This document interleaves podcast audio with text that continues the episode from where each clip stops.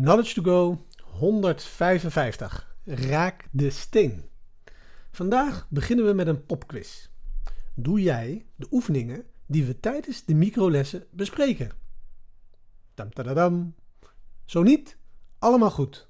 Maar als we van theorie naar praktijk willen gaan en van het alleen maar consumeren van ideeën naar echt diep nadenken over en het toepassen van onze ideeën, moeten we het werk wel doen natuurlijk. Kijk, daar is geen ontsnappen aan. Het beeld dat bij mij opkomt is die van een steenhouwer.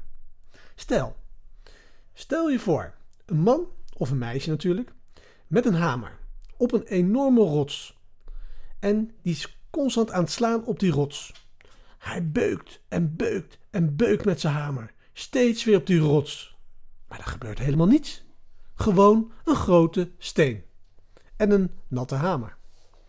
Dan, schijnbaar uit het niets, splijt de rots bij de volgende slag. Yeah!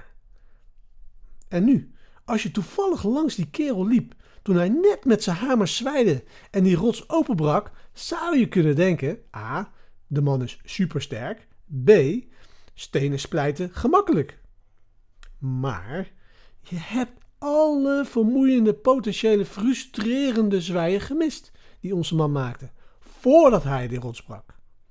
Het lijkt een beetje op het combinatieslot van Jim Brown. Je bent misschien één cijfertje verwijderd van het ontgrendelen van een niveau van helderheid, waarvan je dacht dat het nog steeds super ver weg was.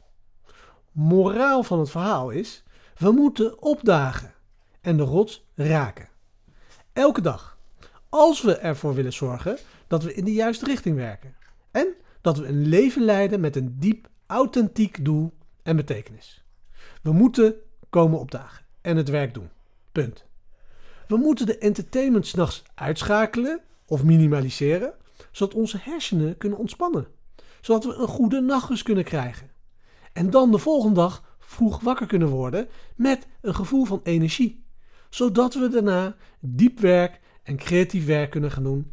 En in plaats daarvan in het ondiepe kant van de reactieve poel van het leven kunnen zwemmen.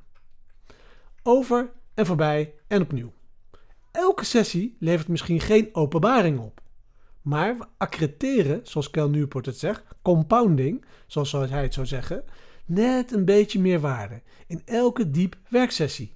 Wetende dat, zoals de rotsplitser, als we blijven komen opdagen en het werk doen, er iets goeds zal gebeuren. Dus, de microles van vandaag. Hoe kan je vandaag nog een zwij naar die rots maken? Geniet ervan.